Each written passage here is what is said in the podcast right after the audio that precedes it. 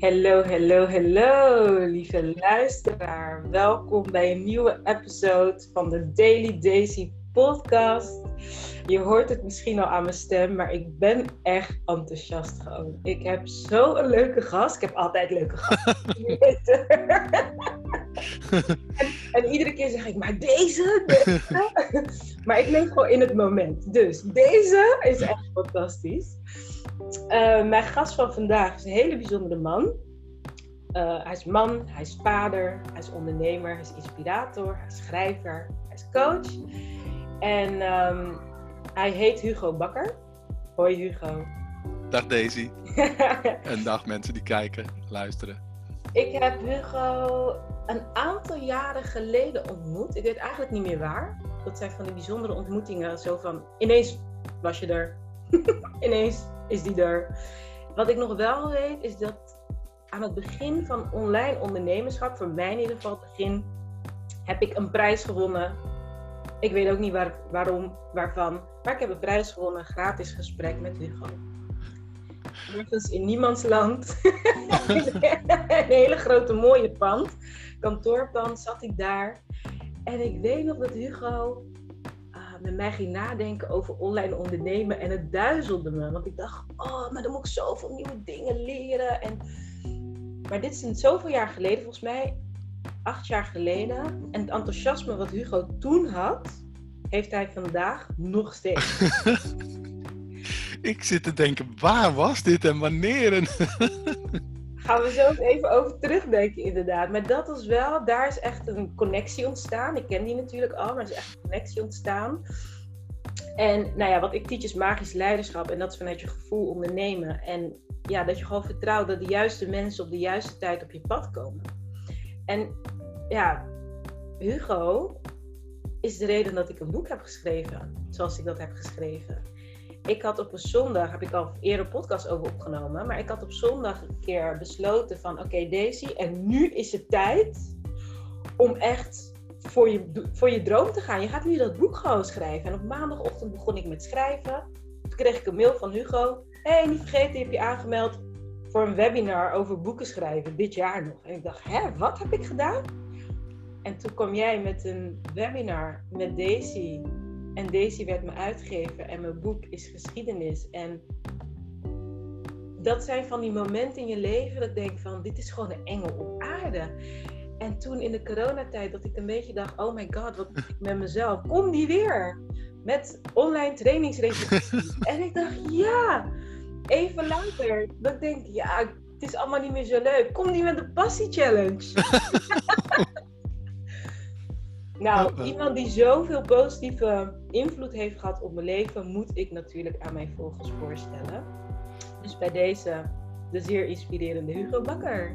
Yes, nou, nou, ik bloos ervan uh, volgens mij. Nou, prachtig natuurlijk. Weet je, ik geloof dat ook dat de juiste mensen op het juiste moment in je leven uh, komen. En dan ben ik toevallig voor jou op dat moment de juiste persoon geweest en heb ik je mogen raken of inspireren. En uh, ja, ik ben ook een beetje verbaasd over wat je zo allemaal vertelt. Ik denk, wauw. Want als ik naar mezelf kijk van waarom doe ik wat ik doe. Ja, ik wil het liefst zoveel mogelijk mensen inspireren. Wat, waarin, maakt me eigenlijk niet uit. Als ik zie van, hé, hey, mensen zijn in actie gekomen. En ze zijn iets gaan doen omdat ik iets gezegd of gedaan heb. Of, dan denk ik, wauw, dat is echt onwijs gaaf. Hoe magisch is dat?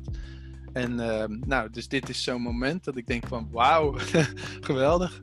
Ja, ja, ik vind het ook heel fijn om het even zo hardop uit te spreken. Um, om meerdere redenen. De eerste is dat veel van mijn luisteraars zijn mensen die ook andere mensen willen inspireren. En je krijgt niet altijd terug dat de inspiratie landt. je, bent, je bent een creator, je bent een uitgever, je bent een zender. Uh, en je krijgt niet per se altijd terug. Oh my god, mhm. het is geland, dankjewel. Weet je wel? Dus soms denk je echt, maar ik krijg geen likes of niemand koopt. En dan krijg je het gevoel dat het voor niks is. Ja. Um, en ik vind het zelf fijn om dat terug te geven. Want als je mij waarde hebt geleverd, is een dankjewel of een bevestiging het minste wat ik kan doen. Uh, maar ook om mijn luisteraars te inspireren om dat ook te doen naar de mensen die hen verder hebben gebracht. Ja. Ja, en die ene lijk, daar zit dus een heel mens achter. Van vlees en bloed, die dus geïnspireerd is geraakt. En daar zitten eigenlijk ook nog een stuk of tien andere mensen achter die niet op like hebben geklikt, maar wel geïnspireerd geraakt zijn. Ja. Dus elke like zijn gewoon tien mensen die je hebt geholpen. Oh, bijzonder. Zo is het gewoon. Mooi om naar te kijken, ja. Nee, maar je bent dus voor mij een zeer succesvolle inspirator. En waar ik in dit gesprek met jou, nou ja, ik wil veel van je weten, maar het is vooral hoe je reis is geweest. Hè? We zijn allemaal helden, zeg ik altijd, op een heldenreis. En wat heeft jou geholpen? Ehm, maar ook, ja, wat waren de, de blessings in the skies? Dus dat soort dingen wil ik eigenlijk van je vragen, zodat mijn luisteraars ook een beetje achter de schermen kunnen kijken. Van hoe word ik nou zo'n succesvolle inspirator? Mhm. En, en Mhm. wat- hoe heeft Hugo dat gedaan? Ja. Dus ja, ja allereerst even mijn eerste vraag is: wat inspireert jou nou? Ik bedoel, jij bent de inspirator, maar wat inspireert jou? Of wie inspireert jou? Wie inspireert nou Jezus? Eh, dus als voorbeeld van, joh, als je het even niet meer weet, wat zou Jezus gedaan hebben? Wauw. Dan krijg je automatisch het goede antwoord, denk ik. En als je daar niet naar luistert, dan knaagt het gewoon een beetje aan je. Van, ik ben eigenlijk dingen aan het doen die niet oké zijn. En dat is eigenlijk op dit moment gewoon ja, het- het enige of het grootste.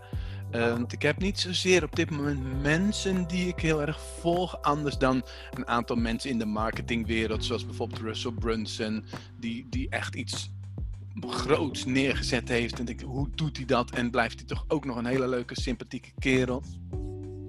Ehm, en en ik, eerlijk gezegd ben ik op dit moment een beetje aan het zoeken van... hey, eh, wie vind ik nu op dit moment eh, inspirerend? Ik, ik vond Tony Robbins tien jaar geleden super inspirerend. Ik heb hem drie keer live ook gezien. Maar op een gegeven moment had ik ook wel zoiets van... nou, ik heb het ook wel weer gezien. En zijn manier is niet per se mijn manier, weet je wel? Dus ehm, ja, nou, misschien ben jij wel mijn volgende inspirator, Daisy. Wie weet? Want jij doet toch ook hele mooie dingen? En, en, en eh, op relatief jonge vrouw nog, die, die ook al zoveel mensen eh, meeneemt op, op, op, op hun eh, levenspad. Dat is toch geweldig? Ja, ik vind het een voorrecht. Echt. Ja. Dan denk ik echt, knijp me. Weet je wel, wat ik dat betekenen. Het is Ja. echt, ehm, ja, het is een enorme privilege. Daar ben ik me ook best wel van bewust hoor. Dus, Ja. Maar oké, even hoor, want, want jij zegt echt gewoon zo, alsof het niks is, Jezus. En ik denk, wauw, weet je, dat, dat, dat is, ah, ik vind dat inspirerend als mensen zo voluit voor Jezus durven uit te komen. B, ik vind Jezus een, een, een spannend iemand, om maar even zo te zeggen. Ik, heb, ik, Mhm. ehm, ik ben zelf christelijk opgevoed. Ik ben heel actief geweest in de kerk. Ik ben gevormd. Eh, ik heb lesgegeven in de kerk. En ik blijf altijd Jezus een mysterie vinden. En dat jij hem als een soort van directe inspiratiebron kan gebruiken, denk ik: oké, vertel eens, hoe ben je daartoe gekomen? Hoe is dat voor jou? Ja, het is ook gewoon mijn christelijke opvoeding. Ik ben dan daarna eh, vanaf mijn achttiende een tijdje van God los geweest.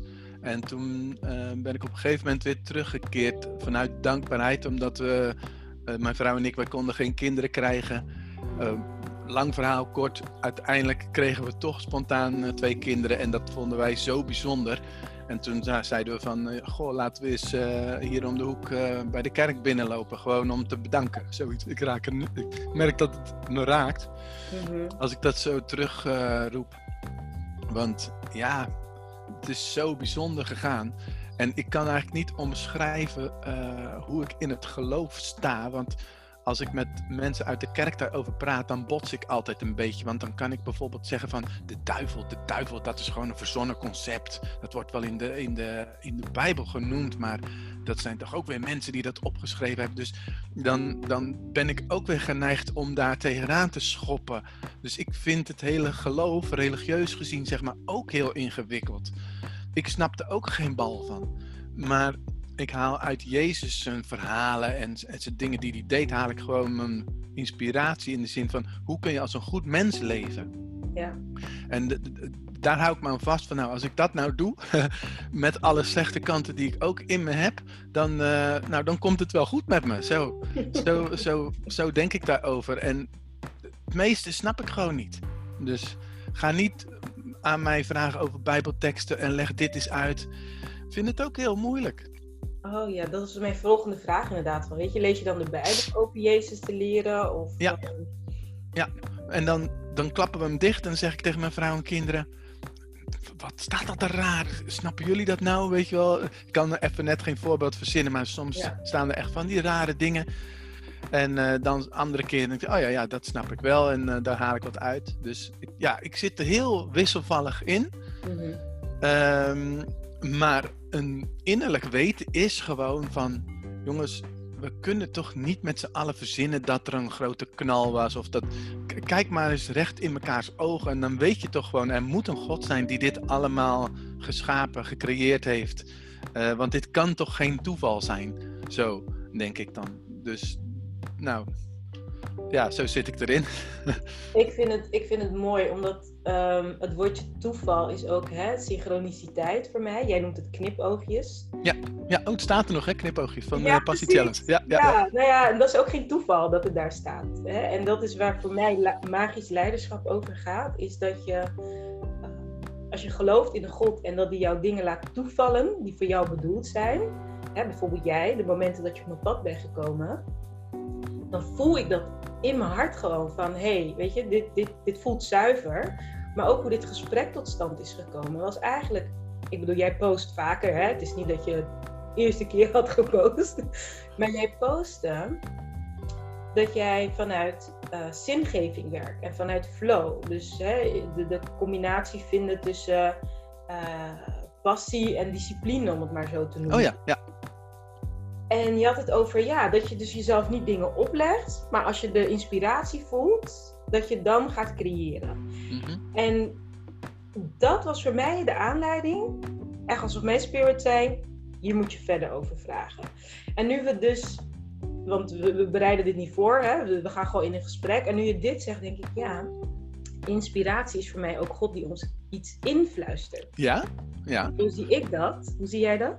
Nou ja, als we dus 50.000 gedachten per dag eh, in ons hoofd krijgen, waar komen die vandaan? Je kan niet verzinnen van, hé, hey, ik ga straks even denken over dat of dat. Ja. Want dan is dat al een gedachte die ingegeven wordt. Dus die gedachten die moeten ergens vandaan komen. Dat is het hogere, dat is God, die die gedachten ingeeft. En vervolgens, gedachten creëren een emotie. Nou, daar zit een systematiek achter van vanuit het verleden of wie je bent en wat je gedaan hebt, waardoor een bepaalde gedachte een bepaalde emotie opwekt. Ja. Nou, dat kun je veranderen. Dus dat als je diezelfde gedachte krijgt, dat het voortaan een andere emotie oplevert en vervolgens komt daar gedrag uit voort. Maar ergens moet het ontstaan met een ingeving die van boven komt. Ik, ik zou niet weten hoe het anders werkt. Jouw ingeving om na twee jaar eh, proberen een kind te krijgen, dat lukt niet. Eh, uiteindelijk wel. Hè, je hebt nu twee eh, dochters van Ja. 16 en 13. Mhm. Hoe komt zo'n ingeving om naar de kerk? Wel, Het was eigenlijk best spontaan. Ik ga naar de kerk om te zeggen dankjewel God. Ja. Hoe komt die ingeving bij jou binnen? Is dat, is dat in je hoofd? Is dat eh, een gevoel? Is dat een... Hoe ziet dat eruit? Eh, ik weet het niet meer. Ik denk, ehm, wij waren zo verbaasd en zo blij. Ehm, en ja, ik zou het moment niet meer kunnen terughalen. Maar ik denk dat dat gewoon met de gedachte geweest is van... eh, nou, misschien moet ik de Heere God eens bedanken. Ja, En, eh, misschien is dat gepast. Ik bedoel, waar komt het anders vandaan dat we nu opeens eh, zwanger zijn? ja, ja. Dus ja. Het is een spontane. Want die, die, die ingevingen, heb je dat vaker op cruciale momenten in je leven gehad? ja, volgens mij leid ik mijn leven daardoor. Eh, dus, dus alle beslissingen die ik neem, worden dus ingegeven door een gedachte. En ehm, nou, ja, het kan ook zijn, want ik heb wel eens verteld over dat ik, eh, ik heb jarenlang stoppen met roken trainingen gegeven. En dat ik op een dag thuis kwam en na het eten op de bank plofte van, poeh, wat ben ik toch moe. Dus dat is dan een bepaalde emotie. Vervolgens komt er een gedachte van, hoe kan dit dat ik zo moe ben? En, oh ja, ik heb die excuses van die rokers. Sorry als u luistert en denkt, ik ben ook zo'n roker. Ik heb die excuses nou al zo vaak gehoord. Ik heb er gewoon geen zin meer in. En vervolgens is gewoon bij mij direct een beslissing van, oké, dan stop ik er gewoon mee. Ja. Ik ben er klaar mee. Dit is een hoofdstuk in mijn leven wat ik nu gewoon afrond. Dus die ingevingen uh, zorgen bij mij ook dan voor een besluit. En dan, oké, ga ik verder met mijn leven. En dat is, weet je, als je nu luistert en denkt van hé, hey, ik zit ook op een bepaald kruispunt in mijn leven. Moet ik linksaf of moet ik rechtsaf? Of welke doelgroep moet ik kiezen? Kies gewoon op basis van je ingeving, van het gevoel dat je van krijgt. En dan, huppakee, gewoon gaan. En dan zie je wel weer eh, waar het pad uh, toe leidt. Je moet echt gewoon, nou je moet niks, maar dat gevoel of die intuïtie of weet ik veel hoe dat heet, gewoon dat volgen. En dat is namelijk jouw pad wat ingegeven wordt. En dat is dus wat je hoort te bewandelen op dat moment in je, in je leven. En dan zal je daar ook gezegend in, uh, in worden, dan zal het ook goed gaan. Tot het moment dat je op een gegeven moment weer merkt van, nou, ik weet niet of dit nog steeds mijn pad is. Nou, en dan krijg je vanzelf alweer een aanwijzing voor uh, een volgende links of rechtsaf. Of terug uit. Fantastisch, ja, maar dit, daar ben je ook een inspirator in. Want jij begon, uh, je hebt de PABO gedaan in Rotterdam, ja. hè? Ik, ik, je denkt, ik word meester. Nou ja, dat ben je nog steeds uiteindelijk. Ja, ja, ja. Met enige detours. Maar dat is dus een van de dingen waar jij inderdaad gewoon, nou ja, dat is dus de vraag of dat gewoon is. Ik, ik zie natuurlijk alleen um, dat dat nu hè, in de kranten staat of op je website staat. Maar misschien is dat veel een ingewikkelder proces. Want jij doet de PABO, vervolgens ga je naar Engeland, weet je wel, en dan kom je weer terug. En dan ga je toch maar weer op wereldreis. En dan doe je nooit meer uh, roken. En dan doe je energizers geven. En vervolgens ga je met een partner iets doen. Nou, dat werkt eigenlijk toch niet. Dus zoveel nieuwe keuzes heb jij durven maken. Ja. Ja? Ja. En dat is dus geen rechtlijnige pad. En de, de, vrouwen die mij volgen, die willen een soort van rechte lijn creëren. Een beetje perfectionisme is dat. Ja.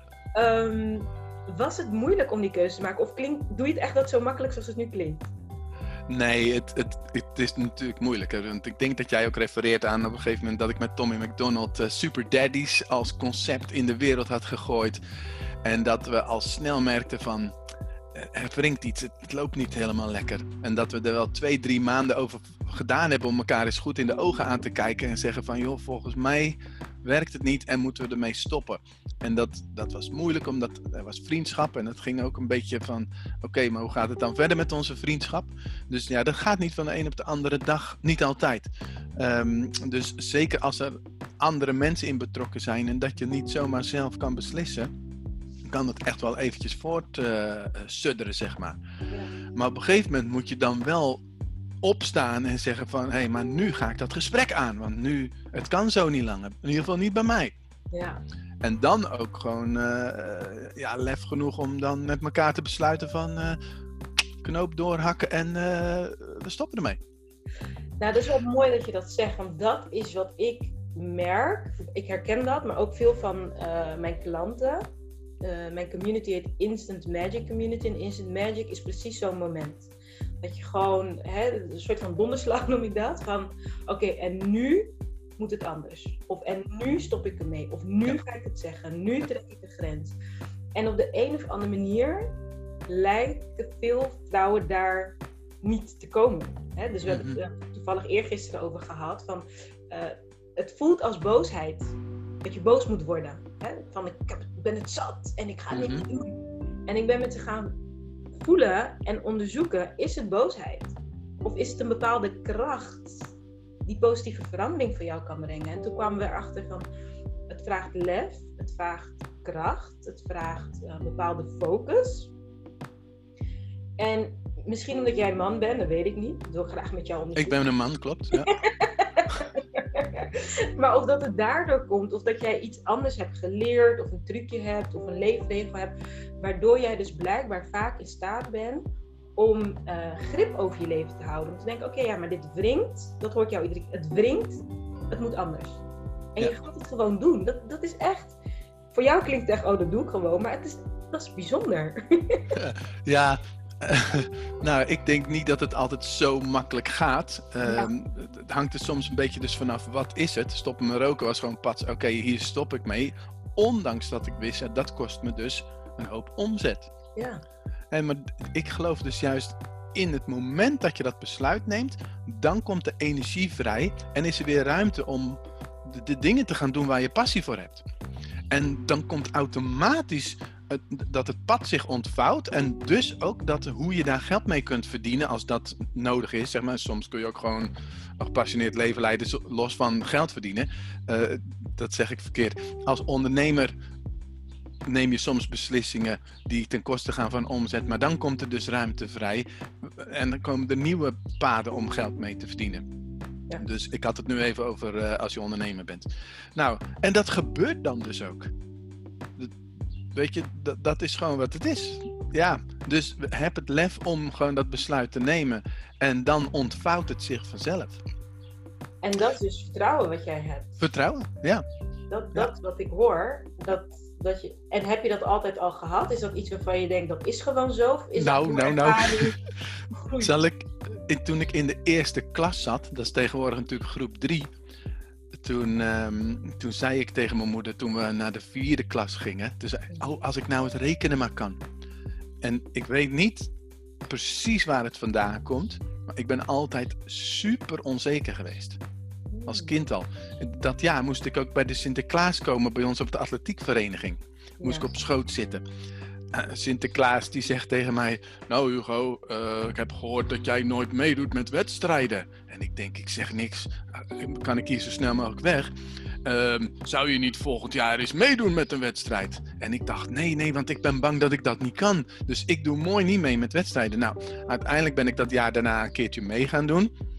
Dus dat was toen oktober, dus drie kwart jaar verder. En ik werd clubkampioen. En de, de verspringprestatie die staat nu nog op het clubrecordbord.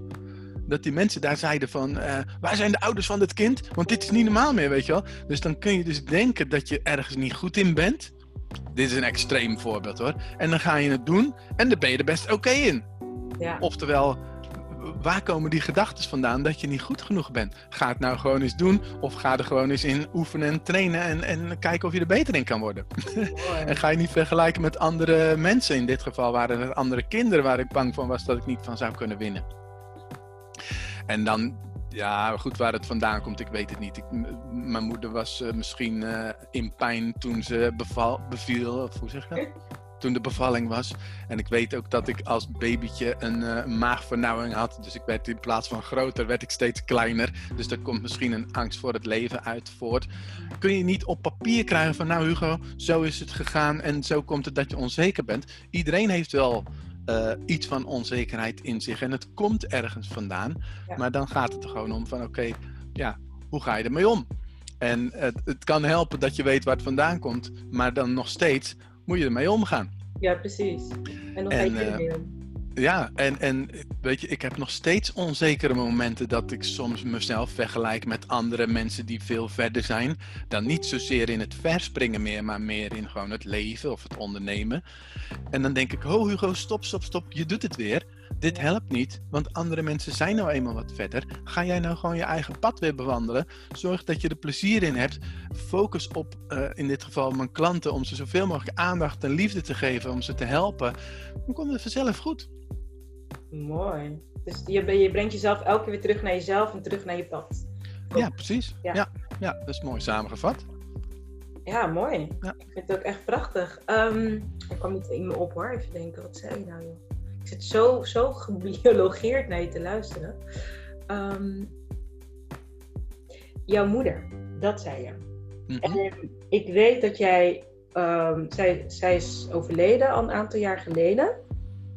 En dat jij zei van dat was voor jou een defining moment, zoals ze dat noemen. Ja. Op dat moment heb jij besloten om net als haar een inspirator te zijn. En ik weet dat uh, emoties die bij keuzes komen kijken heel veel impact hebben. Ja. Dus ik kan me voorstellen dat omdat jij vanuit nou ja, toch hè, een intens gevoel deze keuze hebt gemaakt van ik ga mijn leven echt inzetten en gebruiken om, om te inspireren, dat dat misschien dat stukje uh, vertrouwen en ik moet door energie met zich meebrengt. En heb jij misschien tips of handvaten of ideeën over? Want sommige luisteraars die missen juist die intensiteit bij het maken van keuzes, omdat ze nog niet een heftige wake-up call hebben gehad. Ja. Ik denk altijd, wees het leven voor.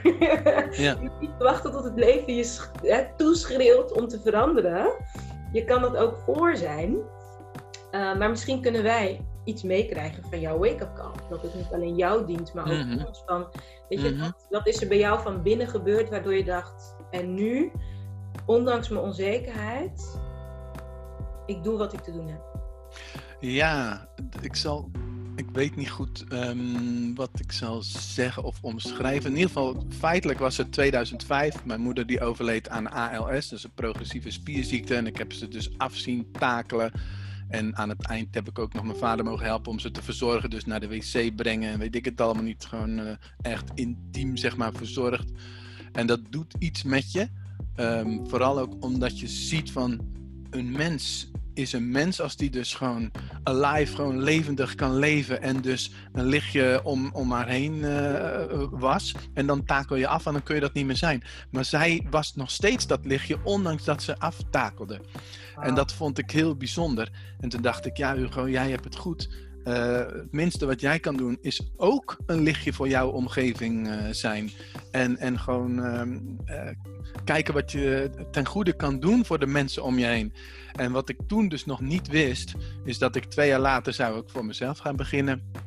En ik ging op een gegeven moment ook het internet ontdekken. En dus dat lichtje om me heen zijn, dat werd eigenlijk een heel groot gebied. Zo van heel veel mensen kun je nu natuurlijk bereiken. Social media was het toen nog niet. Ja. Nu is het veel makkelijker om heel veel mensen te bereiken en, en te beraken dus ook. Dus eh, ja, de- eh, hartstikke mooi. Maar als je nou vraagt van, joh, hoe, hoe kwam dat moment dan of zoiets? ehm, dat je dacht van, ik ga ook zo'n lichtje zijn. Ja, Weet ik horen- eigenlijk. Ja, ik, horen heb je dat gewoon besloten. ja, ik heb gewoon besloten. Ehm, dus ik kan het niet heel goed terug meer roepen. Maar ik heb daar zo'n zo'n beeld bij van Mhm. de begrafenis. Dus de kerk en de plek waar we toen waren. En dan dat, zie ik zo dat lichtje voor me. En Hugo, jij neemt het nu over of zoiets. eh, zo, zo, zo. En, en als ik nu bijvoorbeeld buiten loop en ik zit met een dilemma waar ik over nadenk. Dan kijk ik omhoog, dan weet ik dat mijn moeder daar ook is. En dan vraag ik van, nou, wa- wat zou jij doen, weet je wel? En dan heb ik meestal ook heel snel een, eh, een antwoord. Prachtig zeg. Ja. En ik wil je echt bedanken voor het delen van dit verhaal. Omdat ik wel echt ehm, dat licht dan voel. En ook de... Kijk, heel veel vrouwen... Ja, ik praat over vrouwen omdat ik ze vooral begeleid. Maar heel veel mensen misschien ook die, die, die graag licht willen zijn. Die denken aan heel groot. Mhm, Ze komen dan bij mij en dan is het van... Ja, en ik, ik wil een Tony Robbins zijn. mhm. En ik zeg altijd, joh, laat Superman voor wat het is. Laten we Clark Kent wat meer gaan eren. Clark Kent is Ja, die ja, ja. gewoon, Ja. die gewoon lekker werkt en gewoon zijn ding doet. En, en jij Ja. brengt dat nu met dit verhaal ook naar voren. mhm. Dat zij een lichtpunt was op haar meest ja, donkere moment eigenlijk. Meest Ja. moeilijke moment. Ja. En dat is een lichtpunt, weet je. En Ja. dat is echt een belangrijke boodschap. Vooral nu in coronatijd waarin we leven. Ja. Dat mensen het gevoel hebben van hè, dat, dat, nou ja, de manier waarop ze zichzelf verlichten, zou ik maar zeggen. Hè, bioscoop en theater en uitgaan. Dat kan allemaal niet. En hoe kan je dat nou thuis brengen? Hoe kan je dat nou in het kleine terugbrengen? Dat is iets waar ik vaak over spreek en veel over nadenk. En ik merk dat dit verhaal me echt raakt. Omdat jij dus eigenlijk zegt van ongeacht hoe het met je gaat, je kunt een lichtbron zijn. Ja, zij ging bijvoorbeeld niet zitten van, oh, sinds vandaag kan ik mijn tenen niet meer bewegen. Nee, ze zei, hoe gaat het met jou Hugo? Hoe was het gisteren op de weet ik veel wat? Want dan wist ze, oftewel ze liet blijken dat ze wist wat er in mijn leven gebeurde en dat ze daar interesse voor had. Heel simpel. Ehm, en wat ik je ook mee wil geven als je hier naar luistert en dat je misschien denkt van, ik heb niet zo'n grote droom als eh, Nederland het gelukkigste land ter wereld maken of iets dergelijks. Dat is prachtig. Ik heb die dromen ook niet. Hoe ik daarnaar kijk is dat dat gewoon marketing is. Dat dat dus een uiting is van hey, wij willen dit en dat bereiken. Ehm, maar dan krijg je het gevoel dat je ook zo'n grote droom moet hebben. Begin nou maar gewoon eens in je eigen huis. En als je dat een beetje op orde hebt, dan ga je naar de buren. Ga je kijken of je daar iets bij kan dragen. En zo wordt die vlek gewoon steeds groter. En natuurlijk online werkt dat dan iets anders. Maar ik bedoel, doe het nou maar eerst gewoon heel klein. Start nou maar die Facebookgroep. En zet er eens één persoon in. En gaat die ene persoon nou eens helpen. Ja. En vraag dan aan die andere, aan die persoon, weet je nog iemand die ook geholpen moet worden? Zullen we die in de groep toevoegen? Dan heb je twee mensen om te inspireren. En dan worden het er vier, en dan acht, en dan zestien. Begin nou gewoon zo eens. En, Ja, Ja. la- laten we inderdaad eens even de praktische kant op gaan. Want, want jij bent inderdaad van... eh, dat was praktisch, hè? Ja, I love praktisch.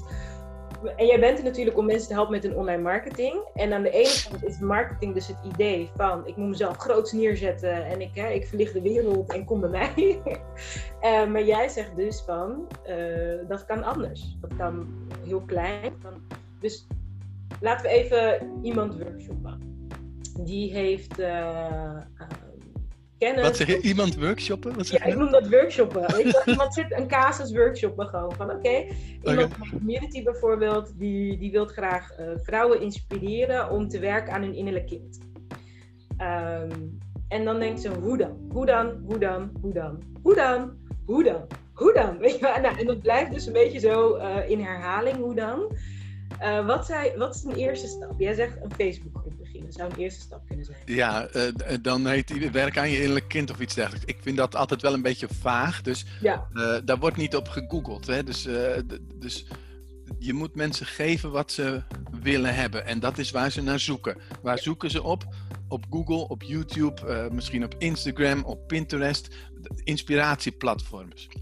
Ja. En ehm, dan, dan wil je ze eigenlijk dus geven waar ze naar zoeken.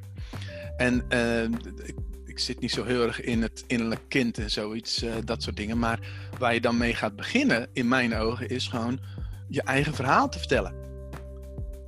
Dus eh, wat, wat speelt er in jouw leven? Hoe, hoe heb jij je innerlijke kind gevonden of iets dergelijks? En, en, en dan gaan mensen vanzelf kijken en luisteren. En het punt is namelijk, de mensen die het herkennen, die gaan je volgen. Ja, De mensen die het niet herkennen, die denken, nou wat praat zij nou over innerlijk kind? Doe even normaal. Weet je, dus die gaan weer door. ja, En als je dan inderdaad een plek hebt om mensen uit te nodigen om naartoe te gaan, zoals bijvoorbeeld heel praktisch gezien een Facebookgroep of ja. een Instagram-account waar ze je kunnen volgen en waar je steeds over dat innerlijk kind praat, dan groeit het vanzelf.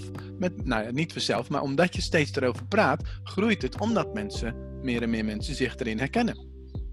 En ehm, als je daarin ook nog, eh, Russell Brunson noemt dat de attractive character speelt, dat is gewoon bewust eh, jezelf laten zien op een prettige, sympathieke manier. Dus Mm. verschillende kanten van je leven laten zien. En natuurlijk heeft er altijd wel ergens een haakje aan je onderwerp, je topic, eh, innerlijk kind in dit geval. Ja. Nou, en dan vinden de mensen dan leuk. En dan gaan ze je volgen. En dus ik vind een Facebookgroep vind ik ideaal, omdat mensen kiezen daar bewust voor. Dan is het een besloten groep, dan is het veilig en dan wordt dan meer en makkelijker dingen met elkaar gedeeld. Mhm. Maar in een andere vorm is dat natuurlijk een YouTube-kanaal of een eh, Instagram-account. Dat maakt eigenlijk niet uit. Het maakt wel uit omdat het iets moet zijn waar je zelf graag op zit. Dus eh, ik heb bijvoorbeeld, dit is een podcast. Ik heb ook een tijdje gepodcast. Maar ik merkte dat ik luister zelf geen podcast. Ik ben niet zo auditief, zeg maar. Ik ben meer visueel. Dus ik zit naar jou te kijken als ik luister naar je. Dus eh, voor mij werkt podcasten niet. Dus ik, ik zit liever op YouTube. Dus je moet wel kiezen, dat is dan een heel praktisch antwoord van waar zit ik zelf graag? Dus daar ga ik ook mensen inspireren. En, en doe niet als Gary Vee eh, met eh 6 miljoen eh, volgers overal en ik weet niet hoeveel filmpjes en, en geëdit en weet ik het niet. Besef dan dat die man gewoon twee- 22 mensen in zijn team heeft die dat allemaal voor hem doen. Hij loopt gewoon rond en praat heel de dag, want dat kan hij heel goed. En andere mensen filmen het en editen en posten het. Maar wij moeten in het begin al dat zelf doen als we geen geld hebben om uit te besteden. Dus focus het op één platform, dan eh, scheelt dat een heleboel boel werk. Ja. En vervolgens, hè, want ik, ik, ik weet dat er heel veel mensen die, die inspireren een eind weg, om maar zo te zeggen. Hè. Die, die, die zijn de attractive, hoe je dat? Attractive character. Die zijn de attractive character. En ik dan soms kijk, en dan, daar ben ik zelf ook achter gekomen voor mezelf. Van je bent zo attractive, maar wat verkoop je nou? Weet je wel? Dat blijft een soort van adabra, hoe zeg je dat? Abracadabra. Ja, Dat ja. is echt leuk. En, en als weet echt veel over persoonlijke groei en love attraction. En maar, maar verkoopt ze ook nog iets? Of weet je, dus dat, dat is een soort van losgekoppeld van de inspiratie eh, social media. En denk ik, ja, maar dan ben je eigenlijk aan het, meer aan het entertainen, aan het ondernemen. Ik ben benieuwd hoe jij dat ziet en hoe je dan, wat is dan de volgende stap? Nou, de volgende stap is in mijn ogen altijd iets wat laagdrempelig is. Dus dat is of goedkoop of gratis. Waar je mensen weer bij elkaar organiseert. En ze dan um, er bewust ook uitnodigt om de volgende betaalde stap te doen. Hè? Jij hebt natuurlijk jouw eigen community. En dan heb je een leiderschapsprogramma. En, en dus je creëert iets bewust om ze daarvoor uit te nodigen. Ja. En um, dat kan natuurlijk op allerlei manieren, maar ik weet wel dat hoe langer je mensen dan in een zaal hebt bijvoorbeeld, of het nou online of in een fysieke zaal is, hoe langer je ze dan daar hebt, des te meer tijd uh, je hebt en des te meer vertrouwen je al gewonnen hebt om ze ook echt die volgende stap aan te bieden. En dat mensen ook dan de kans krijgen om ja te zeggen. Moet natuurlijk iets zijn wat, ja, wat uh, precies past op die doelgroep wat ze willen hebben, wat ze nodig hebben. En dat je daar gewoon een fantastisch aanbod voor doet. Nou ja, dat is wel mooi, want wat ik, um, hoe ik dat zie in ondernemerschap, online marketing, is dat ze veel challenges doen. Hè? Challenge een aantal dagen met iemand stad. Ik zelf in het master, ik noem het masterclass, maar het is meer uh, in Zoom bij elkaar komen en connecten, omdat ze dan kunnen voelen hoe het is om een mm te hebben waar je jezelf kunt zijn. Mhm. En hè, als je dat fijn vindt, nou, dan kan ik je twee keer per maand bieden. Uh, en soms vaker als ik voel dat het nodig is. En maar wat ik bij, bij, bij mezelf merk, is dat mensen een beetje zoiets hebben van, ja, maar wat is nou, hoe verdeel je die waarde? Want ik, je hebt zoveel te geven en je hebt zelf niet door. Wat is nou gratis weg te geven? En wat is uh, waar ik geld voor vraag? Terwijl ik ook bij jou zie, is dat je daar heel consequent in bent. Jij maakt, tenminste lijkt voor mij dat je daar geen onderscheid in maakt. Dat je overal full out gaat of zo met je kennis delen. Ja, klopt. Ja, dat klopt. Uh, dus ik, uh, ik doe niet van, nou, je moet alleen de wat geven en de hoe verkoop je, zeggen ze dan. Hè? Dat ja, doe ik ja. niet aan. Nee, dat, dat doe ik niet aan. Wat ik wel doe is, um, zal ik het geheimpje vertellen? Oeh. Ja, dat is wel gaaf. Want, uh, kijk, als ik een webinar geef, dan is dat inspiratie. Um, altijd met het idee van wat moeten de mensen aan het eind van dit webinar geloven, zodat ze de volgende stap gaan nemen. Ja. Dus ik geef bijvoorbeeld een webinar over het maken van je online training. Dat is bij mij een eerste opstap naar een betaald iets. Um, dus in het webinar ben ik bezig met te vertellen hoe maak je nou zo'n uh, online training, maar vooral ook met inspiratieverhalen van mensen die het al gedaan hebben en dat ze gaan geloven dat ze het kunnen. Mooi. Mits ze mijn stappenplan hebben en over mijn schouder heen mee kunnen kijken.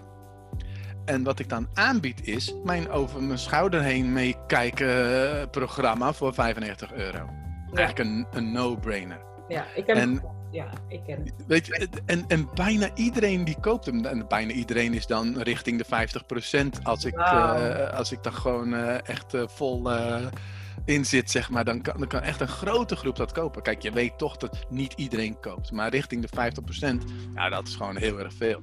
Ja. Dus, maar dat is echt omdat ik dan focus op van wat moet de luisteraar, de kijker gaan geloven, zodat. Ja. En dat betekent voor jou ook, als je mensen in een zaal uh, hebt, uh, dat het misschien wel zoiets is van, nou, uh, aan het eind van de masterclass noem jij het, gaan ze geloven dat ze magie kunnen creëren. Dat, dat, dat, dat ze het kunnen, weet je Dus dat ze gaan geloven in zichzelf. Ja. Um, maar ze geloven ook dat het nodig is om, om jou als coach en een groep gelijkgestemden om zich heen te hebben om het vast te kunnen houden of iets dergelijks ja, het ook echt te gaan doen. Nou, ja. als ze dat dan gaan geloven, nou, dan is één op één uh, logisch dat ze jouw programma gaan volgen. Ja, oh mooi. Dat ze in je community gaan. Jij hebt zelf ook een community, hè? mensen die jij uh, wekelijks uh, inspireert en, en, en nou ja, praktisch verder helpt. Ja. En ik vraag me af of jij ook ziet, want uiteindelijk is inspireren een deel, maar verkopen een ander deel. En ik merk gewoon, ik ben nu zelf ook daarin aan het groeien.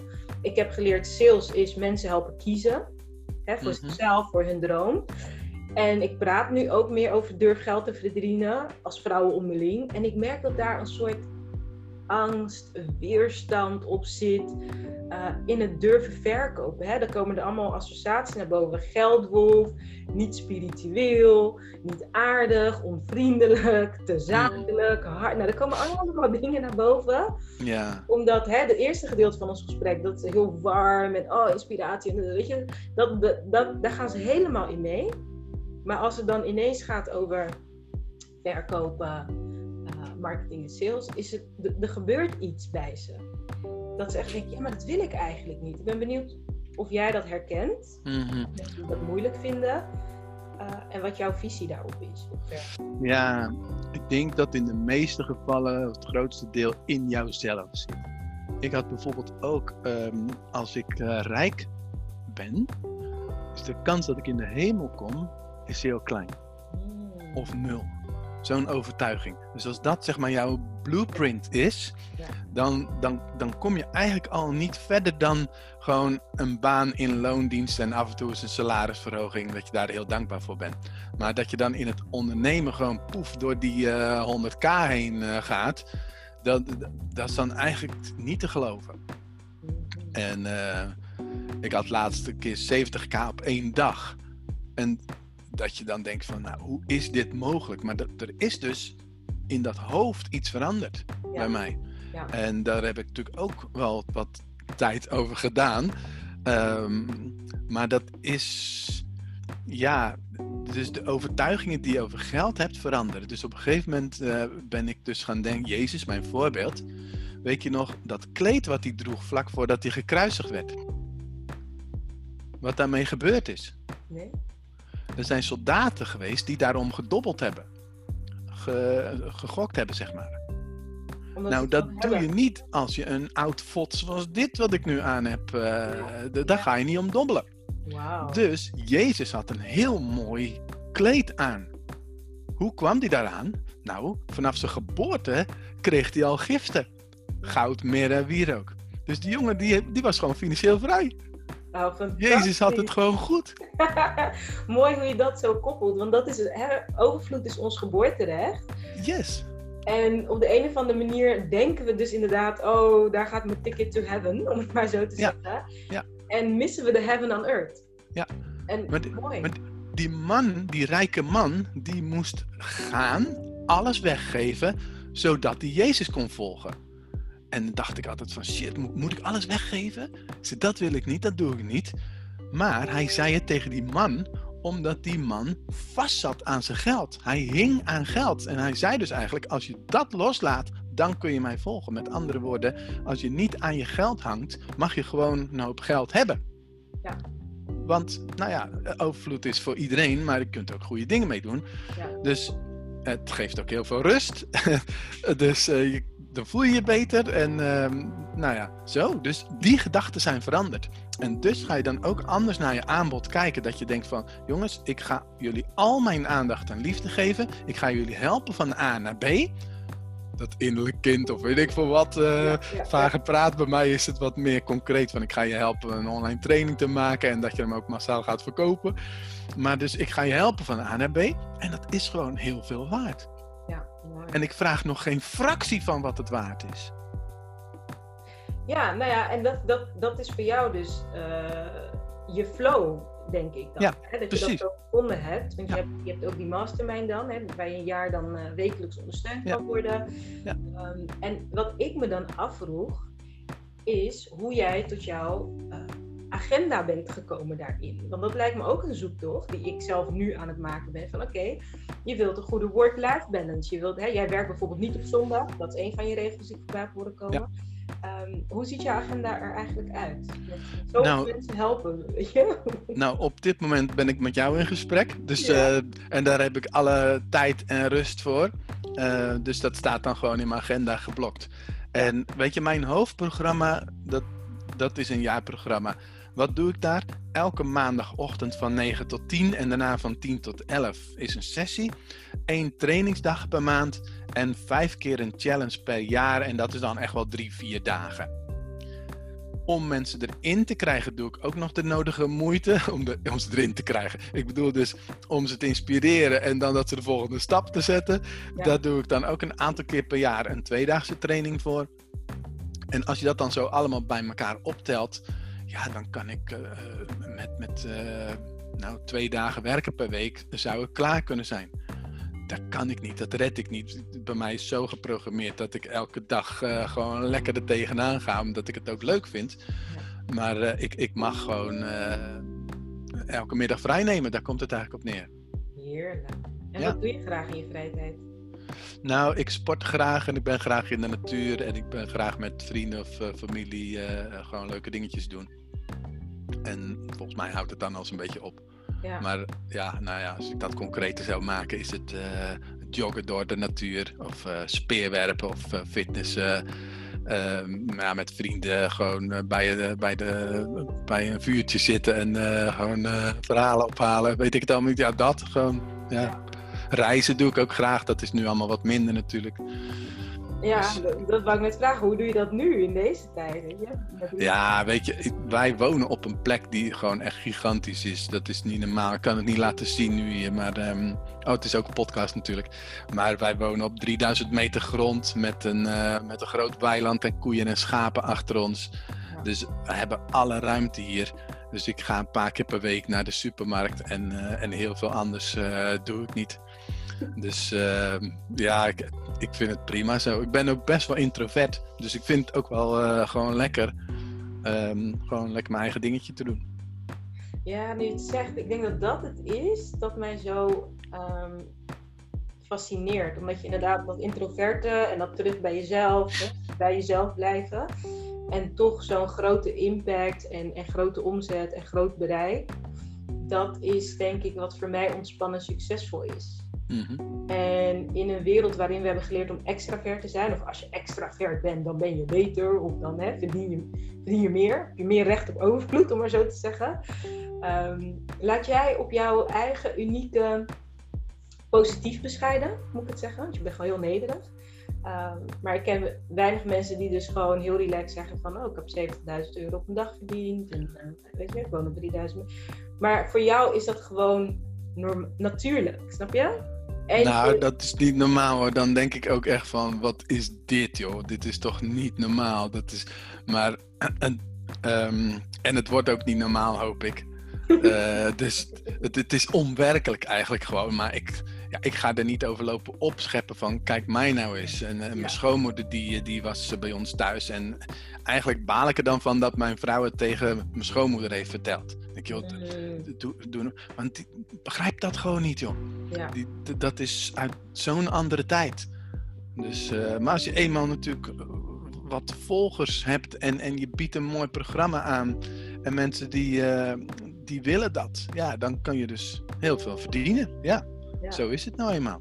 Nou ja, dankzij jouw passie challenge had ik wel zoiets van eh, wat ik doe past helemaal bij mij. En hè, mijn community is ook gewoon dat ik dacht, ja, en ik ga dat langzaam laten groeien. En dat ik wel dacht, oh my god, als ik straks duizend leden heb, verdien ik dus 30, nee, nu 47.000 euro per maand. Wow! Weet je? Ja, hoeveel heb je er nu? Nu zit ik op 25, dus ik heb nog even te gaan. Super, nou mooi toch? Ja, ik ben heel trots. Het is een hele mooie community. En ik had wel zoiets van, eerst was het overweldigend. En nu heb ik zoiets van, nee, maar dat is gewoon een natuurlijk gevolg. Weet je, je Ja. geeft en dan krijg je iets voor terug. En dus dat is een natuurlijk gevolg. Je groeit er naartoe, want nu groei je misschien naar de 50 bijvoorbeeld. Ja. En dan is het ook allemaal nog te behappen om het zelf te doen. Op een gegeven moment groei je naar de 100. En denk je, oh, nou krijg ik toch wel veel berichtjes en vragen en dingetjes. Eh, laat ik eens kijken of ik eh, iemand erbij kan eh, vragen die wat taken voor me overneemt. Ja, Dan ga je, ga je naar de 250, ga je naar de 500. Dan heb je inmiddels wel drie, vier mensen die taken van je overnemen, weet je wel? Ja. Daar groei je elke keer naartoe. Dus net als dat jouw kinderen die nu 1 en 4 zijn, als op een gegeven moment gaan ze naar de, nou ja, groep 8 toe. Dan denk je, nu denk je van, oh nee hoor, laat ze lekker klein zijn. Straks groep 8, dan denk je, oh wat heerlijk dat ze in groep 8 zitten. En dan we straks naar de middelbare school. En dan straks zeg je van, oh wat heerlijk dat eh, hij of zij nu een vriendje of vriendinnetje heeft. Hoe geweldig. Terwijl je nu denkt van, oh nee hè, daar zie ik tegenop. Dus je, je groeit erin mee. Dat, dat Ja, is met je dat business dat. is echt de. de en en dat, dat, dat is ehm, echt de motto, stap voor stap. En niet naar het eindresultaat van anderen kijken en denken: oh, daar moet ik ook zijn. Maar echt gewoon Precies. Ja. dicht bij jezelf blijven. En wat is mijn volgende stap? En Ja. dat is wel hè, waar Instant Magic echt over gaat. Van je kan alleen maar magie creëren waar je bent. En vaak zitten we in een soort fantasiebubbel van waar je moet zijn. En dan denk je, Mhm. waarom kom ik niet vooruit? Dan denk ik, ja. Weet je, wees waar je bent en, en zet de nodige stap vanuit waar je bent. En dan kom je stap voor stap vooruit. Dan kan je ook resultaten boeken. Ja. Ja, we hadden laatst eh, een, eh, een nieuw product in de wereld gebeurd samen met iemand anders. En we zeiden van, ehm, nou weet je wat, als we nou elke maand 10 klanten erbij hebben, dus dat is dan 100, 120 per jaar. Dat zou mooi zijn. Ja. Nou, we zitten inmiddels op het dubbele. Maar we hadden echt zoiets van, nou, 10, dat, zou, dat is behapbaar en dat zou mooi zijn. Nou, dan gooi je gewoon al je, je passie gooi je erin. En ehm, dan blijkt het te werken. En dan wordt het iets meer, veel meer. Ja. En dan ga je gewoon kijken van, oh jee, eh, hoe, gaan we onszelf laten helpen nu? Want eh, het gaat zo lekker. Oh, nou, cool. Stel je het bij? Funnelbox? Ja, Funnelbox, ja. Ja, dat is fantastisch hoor. Ik zag Zeker. en ik dacht, geniaal! Ja, Dat ja, dat, ja, dat is, en daar zijn we mensen nu mee aan het helpen. En dan, nu doen we dus gewoon ook per maand gewoon zeggen van, nou, zoveel mensen kunnen erbij, want we willen mensen gewoon goed kunnen blijven helpen. ja. Maar we hadden niet verwacht dat, dat, dat de plekjes ook steeds gevuld zouden zijn. Dus dat eh, ja, is gewoon Fantastisch. Ja. Ja, mooi. Heerlijk. Dankjewel voor je ja, zeer chille energy. Ik heb nog één vraag. Nou, eigenlijk twee. Eén vraag is ehm, omdat ik heel veel eh, muziek gebruik ook in mijn community. Wat, wat voor rol speelt muziek in jouw leven eigenlijk? Ja, onwijs groot. Het is eigenlijk bizar dat ik dat nog niet genoemd heb. Eh, ik, ik luister gewoon heel graag naar muziek en, en het geeft me energie. Dus als ik bijvoorbeeld moe ben, eh, dus ik heb misschien te weinig eh, dingen gedaan waar ik passie voor heb op een dag. Want soms moet je ook gewoon dingen doen die gewoon moeten gebeuren. En nou, dan draai ik een muziekje. Dan zeg ik het ook thuis tegen Diana, mijn vrouw. Zo van, nou, even een muziekje draaien hoor, want eh, weet je wel zo. Of als we samen aan het klussen zijn in het huis, dan zetten we ook altijd een muziekje aan. Want dan wordt zelfs klussen leuk. Ik hou niet van klussen, maar of in de tuin werken wordt het zelfs leuk dan. Dan neem ik dat, eh, zo'n ding mee, zo'n eh, zo'n boxje. Mhm. Die neem ik gewoon mee naar buiten en dan zet ik de muziek lekker hard aan. Oh. Dus ja, en, en het, qua christelijk, eh, want dan lijk ik heel christelijk, maar dan is het ook gewoon keiharde rockmuziek met eh, dat ik niet naar de teksten luister. Oh, heerlijk. Dus je houdt een beetje van rock'n'roll, een beetje lekker het, het bangen achter. nou, het bengen niet het zozeer, maar muziek. het mag maar- stevig zijn Ja, en, eh, en ik luister niet naar de teksten. dat mag, mag. Nice. Ik zie jou echt voor me in je tuin zo. Met je grasmeid. oh, heerlijk. Ja hoor. Ja? Ja. En dan tegenwoordig heb je natuurlijk Spotify. Dat heb je al jaren, maar ik heb het tegenwoordig. En, oh, Mhm. dan zit ik weer heerlijk gewoon in die muziek van vroeger te zoeken. En om mijn favoriete playlist en zo te, te maken. Word Ja. ik helemaal blij van, joh. Ja, muziek is zo krachtig. Het is echt een, een, een, eh, een lifehack. En voor de luisteraar wil ik ook met jou delen eh, wat ik in mijn community heb gedaan. We Uh-huh. hebben een focus voor de maand gekozen. Wat is jouw persoonlijke focus? En soundtrack deze focus. Dus kies Oh, ja. een nummer Ja. die jou daaraan herinnert. En die hebben we Mhm. allemaal gedeeld. Ik heb een playlist gemaakt voor de hele community. Met al die nummers bij elkaar. Super. En Ja. echt, dat geeft zoveel energie en verbondenheid. Dat je denkt, oh, ik heb geen zin. En dan hoor je ineens die Beyoncé, I was here. Oh ja, ik wil, ik wil een impact maken. Oké, oké, ik ga Maar Precies. Zo'n simpele, maar krachtige Ja. middel. Ja, En ja dat- dat is mooi. Ja, Ja, die, een anker creëren. Ik doe dat op een iets andere manier, maar ik vind dit heel leuk. Ik neem ik ook mee. Maar ik doe bijvoorbeeld voordat onze sessies starten in Zoom, dan kunnen mensen al inloggen. Ja. En dan ben ik nog niet in beeld, maar dan draai ik al muziek. Bijvoorbeeld Working on a Dream van Bruce Springsteen, waar ik altijd fan van was. Oh, tof. Altijd dezelfde liedjes die ik dan eh, in de volgorde speel. Dus dat ankert ook enorm. En dat, ehm, ja, dat brengt mensen natuurlijk ook in de mood van... eh, Hoe doe jij dat in Zoom? Doe jij dat praktisch gewoon zo'n boxje ernaast? Of doe je dat echt? Nee, nee, nee. Je klikt gewoon op share en dan kan je bij advanced klikken op eh, share computer sound only. En dan eh, horen ze jouw eh, Spotify eh, ding wat je aanzet. Oh, kijk. Nou, en dit is jouw kracht. Dit is echt die kleine stapjes. Ik zeg Ja. kleine stapjes is snelle vooruitgang. Aha. Maar als ik dit dus de volgende keer kan toevoegen, is dat al zo'n enorme groei in mijn Ja. community. Ja. En jij weet al die kleine dingetjes. Dus ik hoop echt dat heel veel mensen eh, jou gaan vinden. Eh, je hebt heel veel gratis content op je website. hugobakker.com. Eh, Ja. Checklist, gratis training. Je geeft zelfs je boek weg. Je- ja, oh, het is podcast, hè? Ik heb hem hier in mijn hand, mijn eh, gevraagd worden boek. Ja, Ja. die kan je gratis krijgen. Ik heb die ook voor jou cadeau gehad een aantal jaar geleden over nou ja, de simpele stappen waarmee je dus je expertstatus eigenlijk vergroot. Ja. En je hebt meerdere boeken geschreven. Vier? inmiddels? Drie. Drie. Drie, Er- oh. Er zitten er wel vier of vijf eh, nog in mijn hoofd, maar die komen er nog niet uit. Eh, ik heb van de werk voor mijn website, dus Mhm. energizers en kennismakers, heb ik een bepaalde systematiek bedacht. Dat is de 101 werkvormen formule. Ja. En dan heb ik nog een boek geschreven over eh, je kennis delen online in de vorm van een eh, online training. Dat heet Expert Tips voor kennis verkopen online. Super. Ik ga Yes. bij de podcastomschrijving ook jouw link erbij zetten, hugobakker.com. Mijn allerlaatste vraag is, is er nog iets wat je heel graag wilt vertellen of delen met de luisteraars? Nou, volg je hart natuurlijk gewoon. Dus eh naar die ingevingen luisteren. En niet dan in de angst gaan zitten. Gewoon gaan doen. Mooi. Dankjewel Hugo. Ik vond het heerlijk om je te spreken. Lekker chill en easy jouw energie. Ik hoop dat heel veel mensen ook van jouw licht mogen genieten. En dat jij gewoon lekker licht eh, blijft verspreiden zoals jij dat doet. En tot snel, wanneer we weer magischerwijs Dankjewel. op elkaars pad komen. Ja, en dank voor het luisteren. Ik hoop dat het je inspireert. En ehm, vond het ook leuk om jou weer wat beter te leren kennen, Daisy. Likewise, likewise. Lieve luisteraar, laat mij weten of Hugo Bakker mij kun je het best bereiken via Instagram, DM of mail me op info.daisydewega.com. Wat is jouw grootste inzicht en wat zei jouw hart tegen jou?